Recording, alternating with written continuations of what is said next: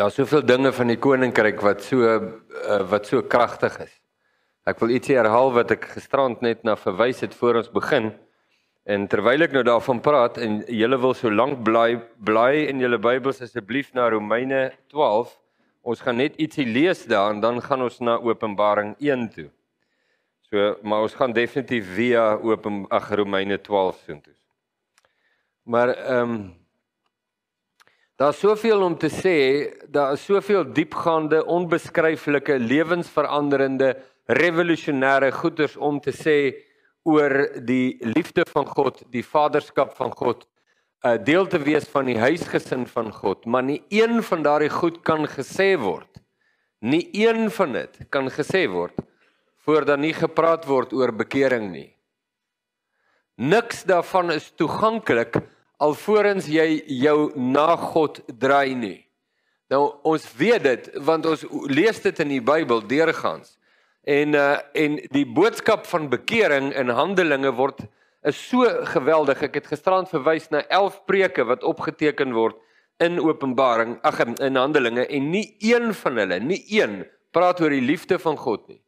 Nie een van hulle praat oor die vaderskap van God nie.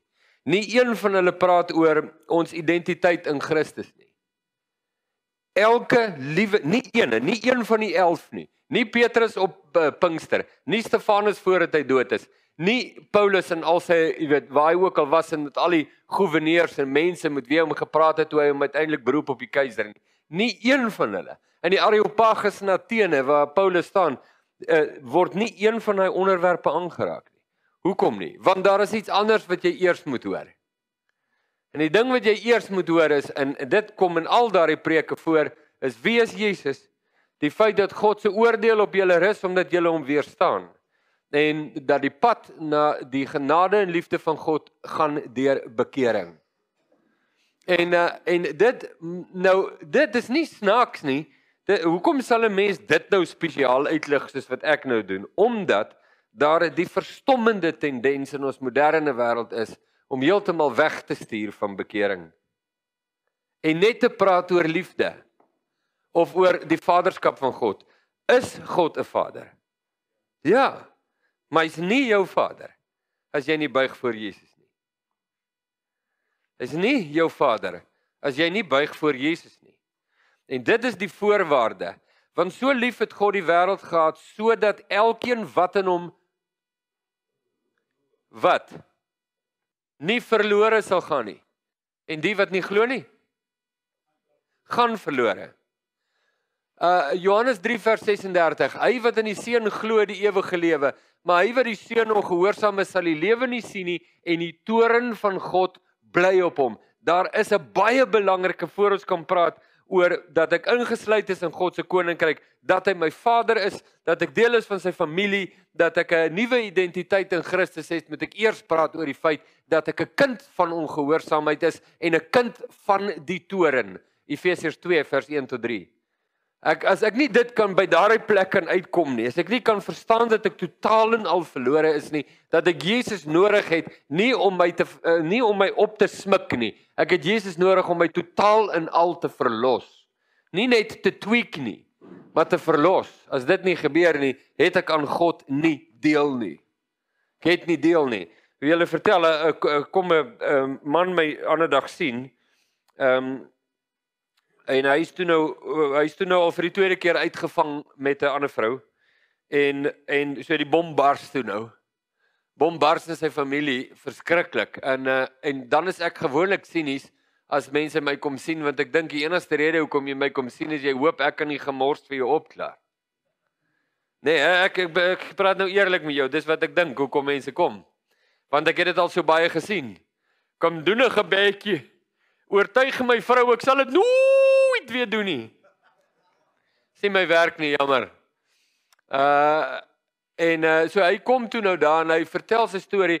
Wat my opval van die man in die heel eerste plek is sy ongelooflike eerlikheid en opregtheid wat hy daar sit. En toe hy daar sit, toe sê ek vir hom hierdie woorde. En en dit is die komponent wat weg is uit baie mense se moderne evangelie. Ek sê vir hom, ek wil net iets vir jou sê. Jy's nie 'n bietjie verlore nie. Jy's totaal en al verlore. En jy het nodig om dit te sien. En ek gaan vir jou ook sê hoekom. Want as jy nie kan verstaan dat jy verlore is nie, verstaan jy nie hoe nodig het jy Jesus nie. En dan dink jy Jesus is net daar om jou te tweak hier op die agtergrond. Hy skrap jou hare de mekaar en sê ag, toe maar man, toe maar kom net nader. Dis nie wie Jesus is nie. Hoe weet ons dit? Het jy gesien wat se prys moes hy betaal? Het jy gesien? Het jy gesien dit was nie 'n slap on the wrist nie. Het jy gesien die ongelooflike foltering en marteling wat hy moes deurstaan om 'n prys te betaal wat vir God aanvaarbaar is? Weet jy hoe weet jy wat is die koste van sonde? Verstaan jy dat jy verlore is, dat jy teen God rebelleer met jou wese en dat in daardie staat en toestand van rebellie kan jy nie aanspraak maak op die genade van God nie. Tensy jy jou knie buig voor Jesus. En en Petrus spreek dit in Handelinge 2 en die mense vra vir hom, "Wat moet ons doen, Petrus? Wat moet ons doen?" En Petrus sê vir hulle, "Bekeer julle. Laat julle gedoop word en julle sal die gawe van die Heilige Gees ontvang."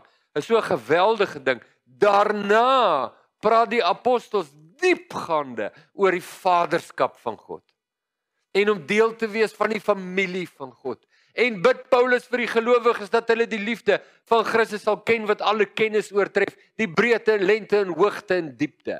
Nie jy weet nie net in teorie nie, maar in ondervinding. Hoe gaan, skus, in ondervinding sal ken. Maar voor dan praat hulle nie daaroor nie.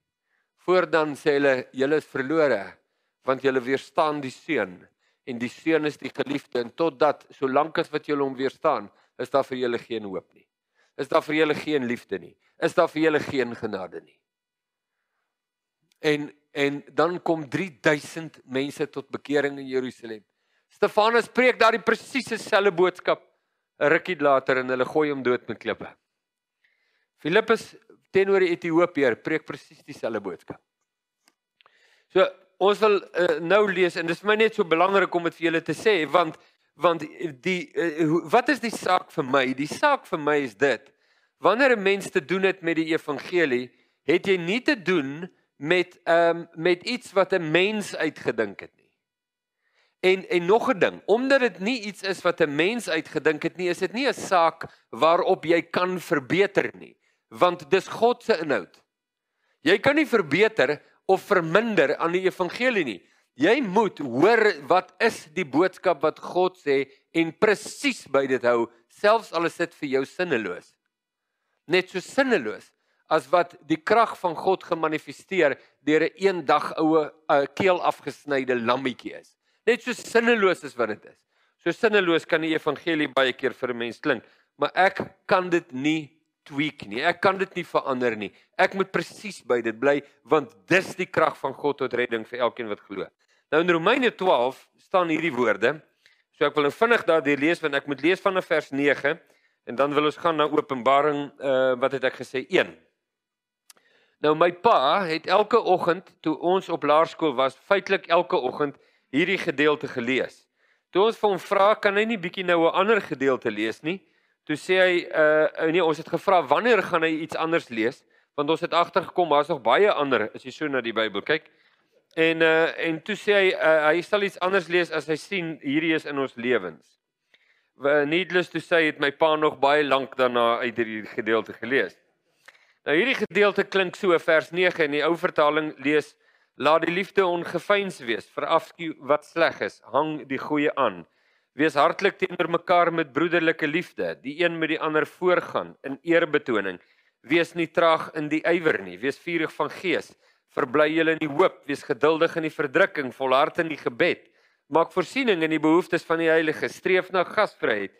Seën die wat julle vervolg, seën en moenie vervloek nie. Wees bly met die wat bly is en ween met die wat ween. Weens eensgesind onder mekaar, moenie na hoë dinge streef nie, maar voeg julle by die nederige, moenie eie wys wees nie vergeld niemand kwaad vir kwaad nie. Bedink wat goed is vir sommige mense. As dit moontlik is, sover as dit van julle afhang, leef in vrede met sommige mense. Halleluja. Ja, maar julle het verkeerde vertaling. Ons lees daai twee verse weer oor. Vergeld niemand kwaad vir kwaad nie. Bedink wat goed is vir alle mense. As dit moontlik is, sover as dit van julle afhang, leef in vrede met alle mense. Wat lees jy tot hier? Wat hoor jy? Kom ek sê vir jou wat jy hoor. Jy hoor hoe klink die lewe van die lam. Dis wat jy hoor.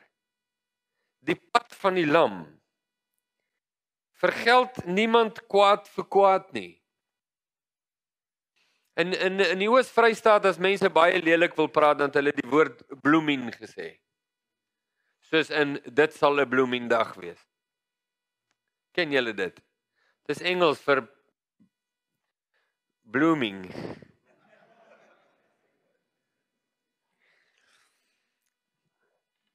Praat van uh praat van die sinlikheid van die evangelie. Vertel vir my hoe logies is daai? Wees eensgesind onder mekaar, moenie na hoë dinge streef nie, maar dis lynreg met meeste van julle skoollesers. Ryk na die sterre. Streef na die hoogste. Wat jy ook al dink, kan jy bereik. Halleluja. Hier kom Paulus. Moenie na hoë dinge streef nie, liewe loof en jy het nie die memo gekry nie. Moenie na hoë dinge streef nie, maar voeg julle by die nederige. Moenie eie wys wees nie. Vergeld niemand kwaad vir kwaad nie. Luister die pad van die lam. Bedink wat goed is vir alle mense as dit moontlik is, sover as dit van julle afhang, leef in vrede met alle mense. Meer nog broers vers 19. Moenie julle wreek nie, geliefdes, maar gee plek vir die toorn, want daar is geskrywe aan my kom die wraak toe, ek sal vergeld, spreek die Here. Eh, dink julle Christene stem saam met hierdie? Stem julle saam? Stem julle saam met hierdie woorde moenie julle wreek nie geliefdes wat in my kom. Stem julle saam? Regtig? Ah. Ek voel ons het nou nodig om te bid. Ons doen dit nie maar ons stem saam. sien. Ek wil net iets sê, dankie, dis eerlik want dit is die sent die algemene sentiment. Dit is waar die meeste van ons Christendom lê. Ons is goeie Christelike mense. Ons is nog boonop Afrikaans ook. Halleluja. Ons Christendom lê op die vlak van ons stem saam. Maar ons doen dit nie. Wie doen dit? En dis 'n belangrike punt om by te kom want onthou gisterand sê ek hierdie klomp disippels die realiteit van Jesus in hulle lewe is so geweldig. Jesus in hulle lewe. Hulle weet hy het op, hy het waarlik opgestaan. Dit is so kragtig en lewend. Hulle hulle hulle dit is so geweldig. Hulle plaas hulle totale lewe op die spel. Hulle weet dat dieselfde mense wat Jesus vermoor het, sal hulle ook vermoor en kan hulle vermoor en en hulle gee nie om nie. Hulle doen dit in elk geval. So iets kragtig moes in hulle harte gewerk het. En en en hier is so baie van hierdie goeters en die gevaar van kampus soos hierdie. Die, die daar is soveel seën in kampus soos hierdie. Soveel seën in die broers wat saamkom en mekaar wakker snork in die nag. Maar daar's soveel seën in die fellowship van ons wat hier saam is. Maar die gevaar van ons wat hier saam is is dat ons by nog 'n kerfie kom van goeters waaroor ons saamstem maar nog steeds nie doen nie. Dis die gevaar. En dit is 'n geweldige ding wat almal van ons registreer die aktualiteit hiervan. Nou nou ek wil uit die laaste vers wil lees. Moenie julle wreek nie geliefdes, maar gee plek vir die toorn want daar is geskrywe aan my kom die wraak toe. Ek sal vergeld spreek die Here. As jou vyand dan honger het, gee hom iets om te eet. As hy dors het, gee hom iets om te drink. Wat sodoende sal jy op sy hoof vuurige kole ophoop. Laat jou nie deur die kwaad oorwin nie, maar oorwin die kwaad deur die goeie. Wat 'n geweldige belangrike lys wat Paulus vir die uh, Romeinse gelowiges geskrywe oor wat dit beteken om 'n disipel van Jesus te wees. En uh, en en dit is in die weg van die lam. Dis in die weg van Christus. Dis deur my hart te buig vir hierdie sake, nie net in my in my begrip en nie net in my saamstem nie, maar in my doen en my late. Dit is waar die heerlikheid van God deurbring. Nou, uh, ekskuus, ek wil ek ek wil net daardie gedagte klaar maak voor ek aangaan en as ek dalk nou nie kan aangaan nie, want die tyd haal ons in dan is dit ook goed. Ek wil net vir julle iets kosbaar sê wat vir my so belangrik is. Daar's 'n beskuldiging wat uitgebring word aan die gelowiges in Hebreërs. Nou daar's daar's heelwat sulke punte van beskuldiging wat in die apostels se briewe uitkom waar hulle vir hulle sê broeders uh, ek dink nou aan Korintiërs waar waar Paulus met hulle praat en sê sommige jy weet julle gaan oor wie julle gedoop? Party sê hulle is van Apollos en van Petrus en van jy weet van Paulus en party sê Jesus maar julle is almal verdeel en dan sê hy vir hulle ek kan nie met julle praat soos met volwassenes nie. Ek moet met julle praat soos klein kindertjies in Christus Jesus want daar's nog tweedrag en jaloesie onder julle. En hy hy hy point dit so uit Paulus. Hy sê vir hulle woep woep woep woep Nee, en uh en uh, ja, en en en die skrywer van Hebreërs doen presies dieselfde. Die skrywer van Hebreërs sê vir die die mense aan wie hy skrywe in Hebreërs hoofstuk 5, hy sê vir hulle um ek julle julle is nog onvolwassenes. En dan sê hy hoekom? Hy sê julle moes al vanweë die tyd leraars gewees het. Hulle is 30 jaar Christene al die die min of meer so 30 jaar as ons kan vasstel. So hulle was 30 jaar al by Jesus en en die skrywer sê vir hulle maar julle moes al leraars gewees het. Maar julle is nog steeds kinders. En dan sê hy hoekom? Hy sê 'n belangrike ding. Hy sê omdat julle nie doen wat julle weet julle moet nie. Nou dis 'n belangrike stelling omdat julle ongeoefen is in die woord van geregtigheid. Want en, en dis 'n belangrike ding om te verstaan want want want as jy dit uitpak op 'n tafel, dan maak dit soveel sin en is so eenvoudig. Ek gaan hierso begin met 'n denkbeeldige sê maar pakkie. Hier's die eerste ene. Wat is God se roeping op jou lewe? Dit staan in die Bybel, 1 Korintiërs 1 vers 9. Jy hoef nie te gaan vas en bid om uit te vind wat God se roeping op jou lewe nie. Jy bly net na 1 Korintiërs 1 vers 9. Hoe great is dit? 1 Korintiërs 1 vers 9 staan die volgende woorde: God is getrou wat ons geroep het om gemeenskap te hê met sy seun. Wat is jou roeping? Gemeenskap te hê met die seun. Nee nee nee, maar ek bedoel eintlik 'n uh, bedieningsgewys. Toe maar, dit help jy ons praat oor bediening voordat jy nie jou lewe kan buig vir die seun nie. Uh los die bediening, los die gawes, los die greatness, los die ministry. Kom ons praat oor Jesus. Kom ons praat oor buig onder die gesag van Jesus. Hy sal die res doen. Moenie jy daaroor worry doen jy nie dit. Daar's jou roeping. Wat's my roeping? Die seun. Die seun is my roeping. Ek moet hom leer ken en ek buig voor hom want hy is die lewe van God. So daar's die daar's die eerste ding wat ons dan moet uitsit. Die tweede ding wat uit dit uitvloei is die volgende. Die wonderlikste ding. Die wonderlikste ding wat God vir my in gedagte het. As ons nou dit verstaan, roeping is gemeenskap met Jesus. Die wonderlikste ding wat daar uit uitvloei die lieflikste, die mees liefdevolste ding wat ek in my ganse lewe nog gehoor het, is die volgende: dat God se agenda vir my is dat ek sal opgroei om te lyk soos Jesus. Hoekom is dit so liefdevol? Want dit is die absolute fokuspunt van God. Jesus is die middelpunt van die heelal. Hy's waaroor alles gaan.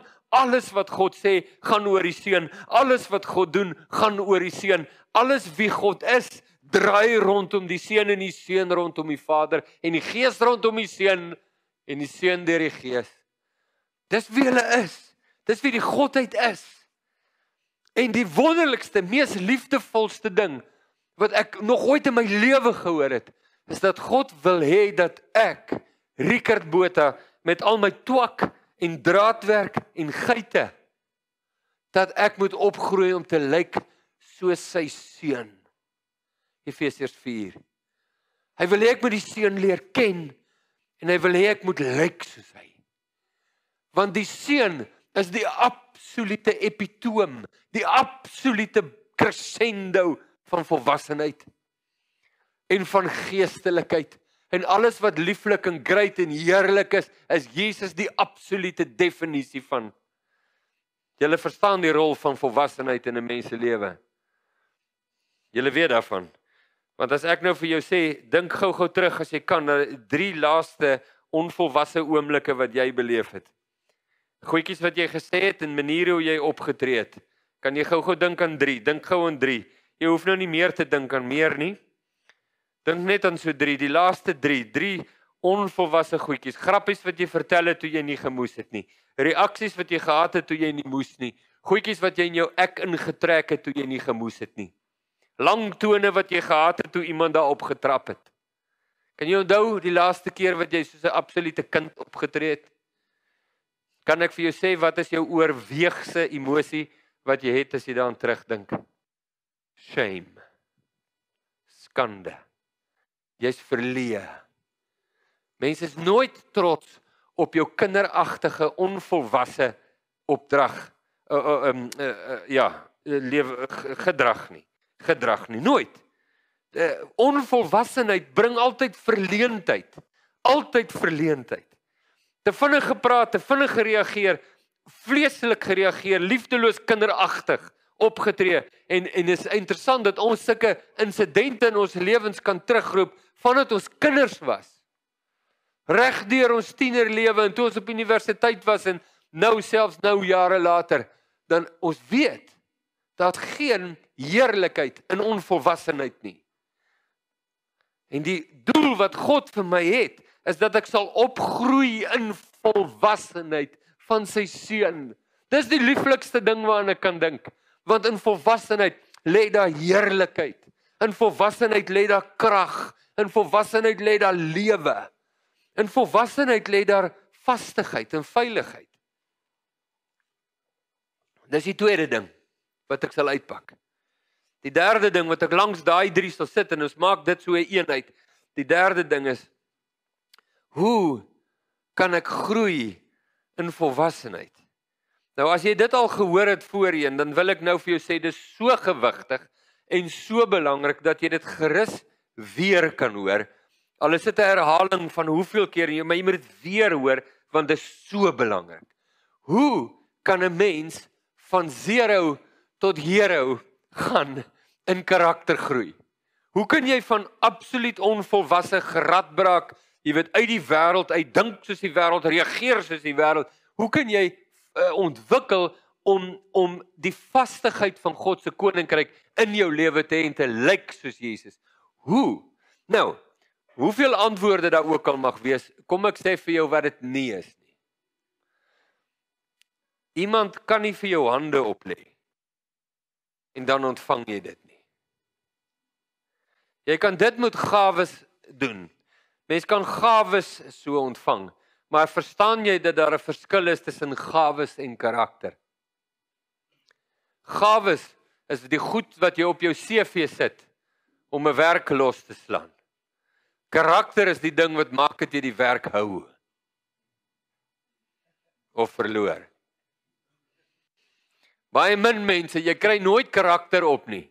Baie min. Jy kry partykeer, maar dis gewoonlik net ek is so blink, so slim met hierdie kursus gedoen. Ek so goed kan dit doen en is gawes, gawes, gawes, gawes, gawes. Waarmee ons onsself verkoop wanneer ons aansoek doen vir 'n werk. Maar waar nie wyse ou werkgewer belangstel is nie so seer jou gawes nie, maar in jou karakter. Dis 'n geweldige groot ding. Hoe ontwikkel ek die karakter van Christus in my lewe. Hoe gebeur dit? Die Bybel sê net een manier. Net een. En ek hou van sulke antwoorde want vir my koppie is dit belangrik om iets eenvoudig te kry. Ek wil ek moet dit eenvoudig kyk, moet dit verstaanbaar kry. Die oomblik wat dit te ingewikkeld raak, dan vermoed ek iets is nie iets is nie pleis nie. Iets is nie lekker nie. Hier's die hier's die manier. Hoe ontwikkel jy karakter? Ek haal dit uit Hebreërs aan, ek haal dit uit Paulus se skrywe aan, ek haal dit uit Jesus se lering aan. Die enigste manier hoe ek 'n karakter kan ontwikkel is deur te doen wat Jesus sê. En in die doen ontwikkel God se karakter in my bonatuurlik en dis die enigste manier hoe Daar is nie 'n ander manier nie. En ek haal vir julle aan uit Jesus se woorde en daar's so baie Jesus se woorde. Ek dink ons het dit laas ook gedoen. Ek kan nie onthou nie, maar ek vermoed so. Johannes 14 vers 21. As julle my liefhet, doen wat ek sê en die Vader sal julle lief hê en ek sal julle lief hê en ek sal my aan julle openbaar.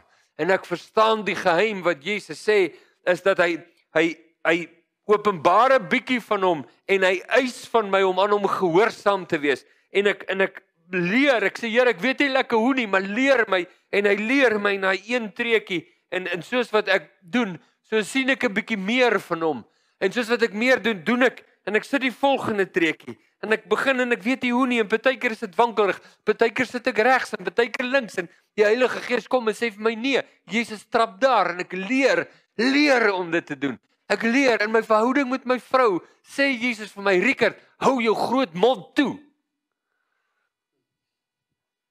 En ek leer en ek weet nie hoe nie en ek trap links en ek trap regs totdat ek leer om Jesus sê hou jou mond toe, dan sê ek nie nog ja maar nie. Ek wil nog net die laaste ding sê nie. Ek hou my mond toe. Ek doen wat Jesus sê. Dis eenvoudig en jy dink nee, maar jy moes 'n beter geestelike voorbeeld gegee het. Meer geestelik as dit? Ek kan jy niks meer geestelik dink as dit nie. Jy bedoel Jesus sê en toe doen ek iets meer geestelik as dit? Daar bestaan nie iets meer geestelik as Jesus wat vir my iets sê om te doen. En ek doen dit nie. En ek doen dit en hy openbaar homself 'n bietjie meer. En ek en ek reageer en ek hou aan reageer. En baie van die goed wat hy sê in die pad waarop hy my vat is uit die aard van die saak. Die pad van die lam. En baie van die dinge wat hy sê maak seer. Baie van die goed infringe op my op my identiteit en my my sin vir waardigheid. Baie van die goed wat Jesus vir my sê, Rieker doen dit. Hou ek nie van nie. En wil ek nie doen nie. Soos byvoorbeeld gaan sê vir jou skoonsister, jy het jou soos 'n piesang gedra en jy's jy's verkeerd. Wil ek dit doen? Nee, natuurlik nie. Beteken dit ek's nie wedergebore nie want ek wil dit nie doen nie. Nee, nie jy laf vir nie. Ek wil dit nie doen nie. Hoekom nie? Ek gaan vir jou sê nie. Nee, maar sê nou. Ja, maar jene man, as ek mos nou nie o. Ek het nou net 4 ure spandeer om vir haar te vertel wat sy piesang is hy. Nou moet ek hoor nee, dit was ek wat die piesang was. As ek nou na toe gaan, weet jy nie o, gaan ek nou wees. Wat 'n milie was ek nou? Nou moet ek gaan ek gaan nie vir sy sy's in elk geval nie by die Here nie. Verstaan, sy's in elk geval 'n rebel, man, sy moet net regkom. Kom met by. En weet jy wat vir my so kosbaar daarvan? Ek sê kom Jesus, ons loop. En hy staan doodstil sê nie 'n woord nie, beweeg nie 'n tree nie. Besef jy dat jou geestelike groei stop net daar? Nee, miskien nie volgens jou nie, want jy het nou nog 6 boeke wat jy gaan lees. Jy het nog 24 konferensies wat jy gaan bywoon. Jy gaan jou kop vol stop met goed wat mense sê wat jou so slim laat klink dat mense met jou kan swys. En jy dink jy is nou massively gegroei. Jy kan nog steeds vir jou skoonsister sê jy was verkeerd en hom vergifnis vra nie. Vertel vir my weer hoe jy gegroei.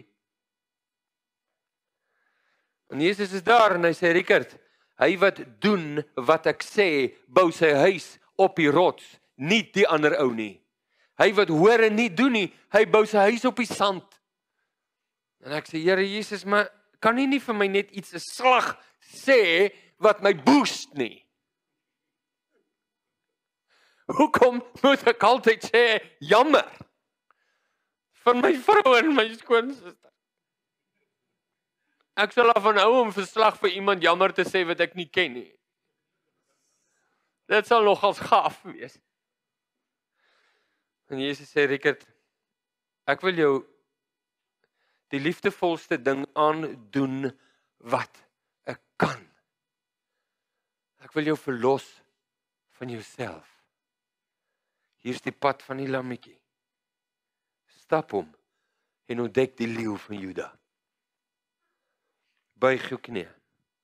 Doen wat ek sê en dan ontstaan daar iets binne in my en soos wat ek dit doen en ek moet julle vertel die meeste van my getuienisse vertel ek nie. Weet julle hoekom nie? Sê julle sê ek gaan julle eerlik sê hoekom nie want ek is verleë daaroor. Meeste van my getuienisse van die werk wat die Here in my doen, wil ek nie eers vir jou vertel nie, want dis inkriminerend op my elke liewe een. Dis inkriminerend op my vlees en my kinderagtigheid en my onvolwassenheid en my my twak. En Jesus sê my ek wil in jou gestalte kry. Ek wil jou lei na karakter en volwassenheid en hierdie is die enigste weg hoe dit kan gebeur. En dis wat Nuwe Testamentiese gelowiges so kenmerk. Wat? Wel, hulle verstaan wat dit is om geroep te wees om gemeenskap te hê met Jesus, nie die kerk nie. Jesus. En hulle verstaan wat dit is om hulle lewens neer te lê in die pad van die lam, want dis hulle meester en hulle Here. En derdens, hulle verstaan wat ware geestelikheid en volwassenheid is. Dis nie in die veelheid van woorde nie, maar in die betoning van gees en krag wat uit die leeu kom want jy die pad van die lam gestap.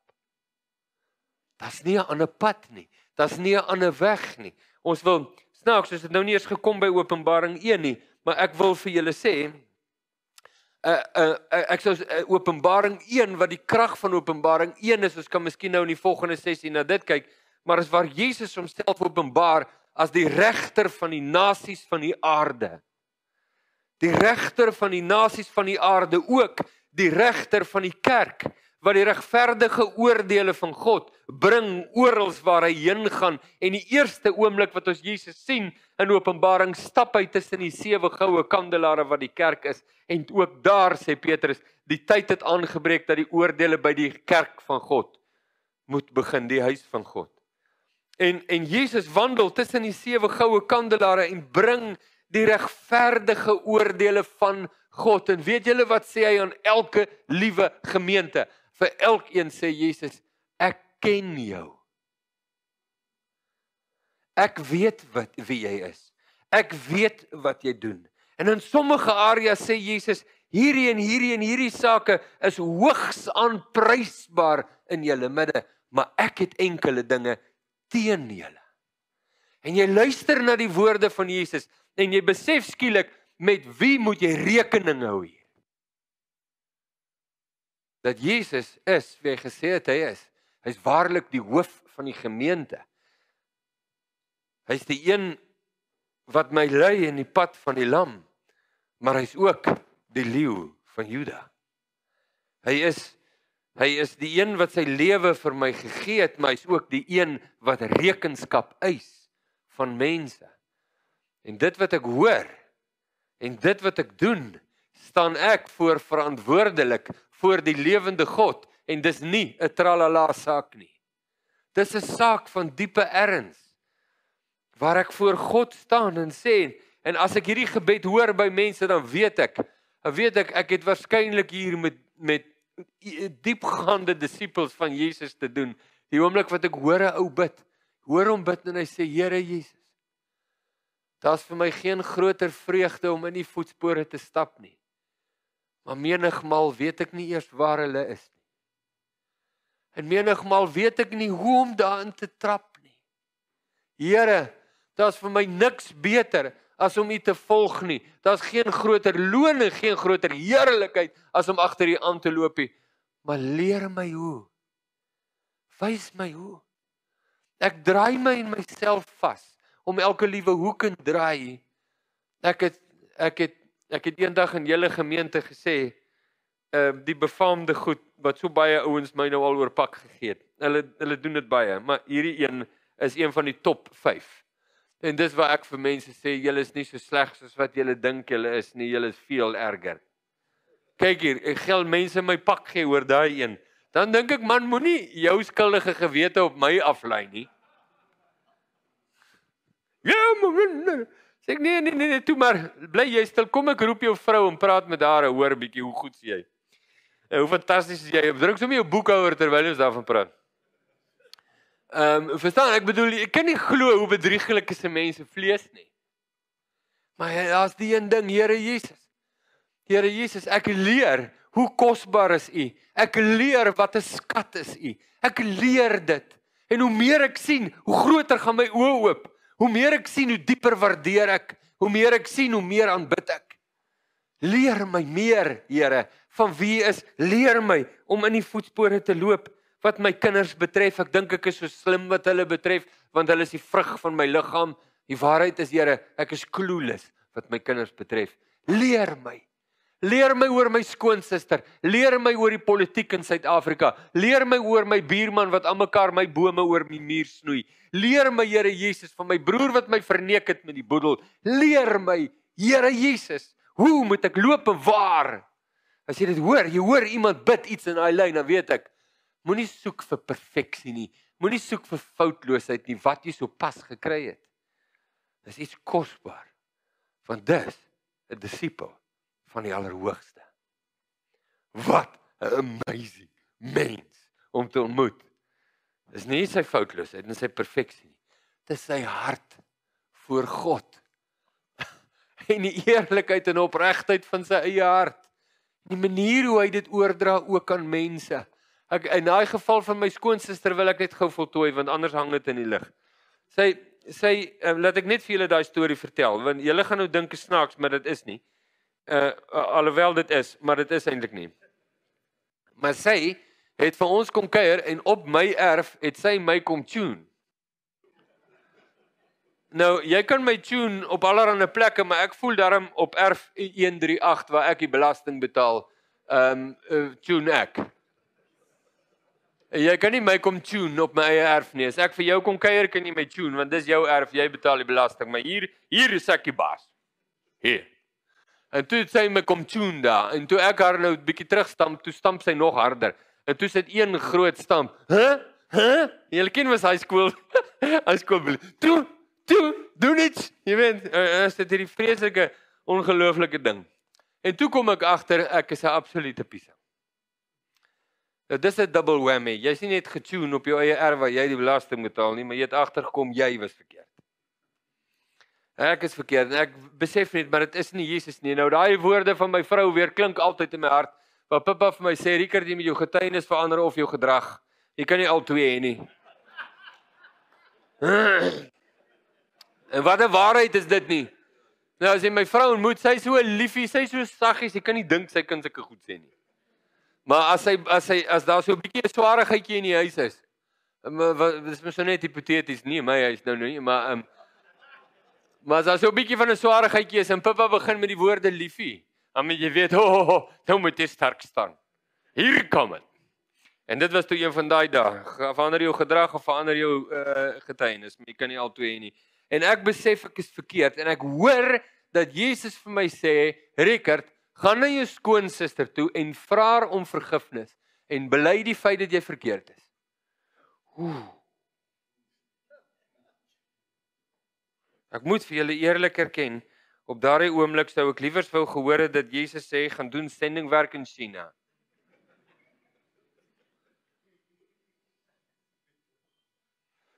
Alrite. Onthou nou ek se predikant. Hey, o, weet julle ek se predikant. Ek se predikant. Ek was toe al op die radio, die wireless RSG, pleisters vir die siel. In sekere dele van die land blykbaar word dit my vertel wat ek taamlik bekend. Ek is in die middel van dit. En ek ervaar dat hy wat op die toon sit, sê vir my, gaan sê vir jou suster jy is verkeerd. Vra haar om vergifnis. Onteenseglik. Die stem van die lewende God. Ek preek nog elke Sondag.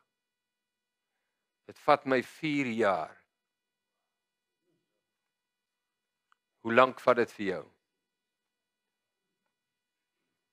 4 jaar. 40 jaar tyd dat jy kniel my broer. 40 jaar, 4 jaar van presies weet wat Jesus sê. En jy maak aanspraak in daai 4 jaar op die onuitputlike genade van God. En geestelike groei. Maar jy weet, jy weerstaan God aktief. En jy dink goed kan daar uitkom. Hoe weet jy hoe mislei tot daar? En ek besef hier's die ding. In ons dag en tyd is dit nie dat ons kampus soos hierdie moet hou sodat ons kennis kan versamel nie. Ons weet klaar te veel. In ons dag en tyd hou ons kampus soos hierdie om ge-challenge te word om te doen wat ons weet. En daar daar lê die krag en eerlikheid van God. Hoe Dis 'n retoriese vraag, moenie antwoord nie. Hoe aktueel dink julle is hierdie boodskap van nou op my eie persoonlike lewe? Dis so goed asof ek sit daar op jou stoel en iemand anders staan hier en sê dit. Dis net so 1000% van toepassing op my eie lewe waarvan jy nie baie weet nie. Maar die mense naby in my wel. Die mense agter my toe deur wel. En God meeste van almal omdat hy die dieptes van my hart ken wat ek self nie ken nie. En daar is hierdie saak om 'n Christen te wees. Om aanspraak te maak op redding en dinge soos wedergeboorte. En jy stap nie in die pad van die lam nie. En jy buig nie jou hart onder die gesag van Christus nie. Is 'n geweldige prekarious gevaarlike pad om op te wees want dis gewoonlik 'n pad wat lei na selfmisleiding waar jy dink dat jy reg is met God om op die ou einde uit te vind jy is nie jy is nie. Daar lê nie seën in weerstand nie, maar daar lê seën in oorgee. Die bril, die leeu bril wanneer die lammetjie geslag word.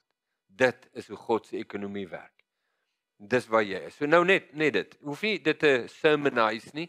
Net sê terwyl jy hier sit en jy weet dat Jesus sê iets vir jou, wil ek vir jou iets vra. Moet jy asseblief nie beroem op die feit dat jy ongehoorsaam is nie. Dis 'n skande, dis nie 'n roem nie. Sê hoor die Heilige Gees sê iets vir jou. Doen jouself 'n verskriklike guns en sê ja Here en doen dit. En as jy te bang is, soos wat ek meeste van die kere is, 'n absolute papbroek. As jy te bang is, dan sê Here ek is te bang. Ek is te bang. Maar ek lê my lewe neer. Ek is te bang. Sê dit tog net sê dit sê Here asseblief bekragtig my, help my, druk my, trek my, wat dit ook al moet doen. Here asseblief moet my nie los nie. Maar ek sidder. En kyk wat gebeur. Maar doen dit. Buig jou lewe en jou knie voor Jesus. Here Jesus. Uh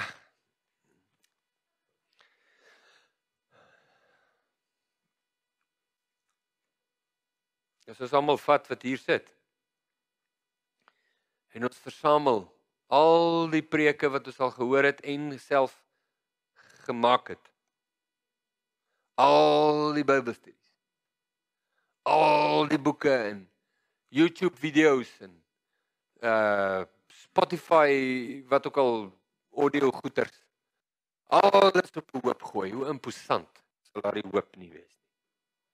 Hoe groot sal die inhoud van dit wat ons ore al gehoor het nie wees nie. Maar vandag Here Jesus, kom sit ons voor U met ons eie harte wat so traag is om agter U aan te stap. So traag en onwillig om te buig. So vinnig om onsself te handhaaf. So traag om ons lewens neer te lê voor Jesus en nog steeds aanspraak te maak op al die seëninge en lieflikhede van God terwyl ons hier eintlik weer staan. Here, enige iemand wat in hierdie gebou is vanoggend wat in hulle harte beleef en ervaar hoe u weer met hulle praat oor sake in hulle lewens waar hulle nie buig nie, waar hulle nie doen nie, bid ek Here Jesus gee hulle die genade van hulle oortuig om hulle lewens voor U te buig as die een wat waardig is om die boek oop te maak en die seels te breek. Waardig om voor om voor U te aanbid, nie net in sang en in melodie nie, maar in hart en in lewe.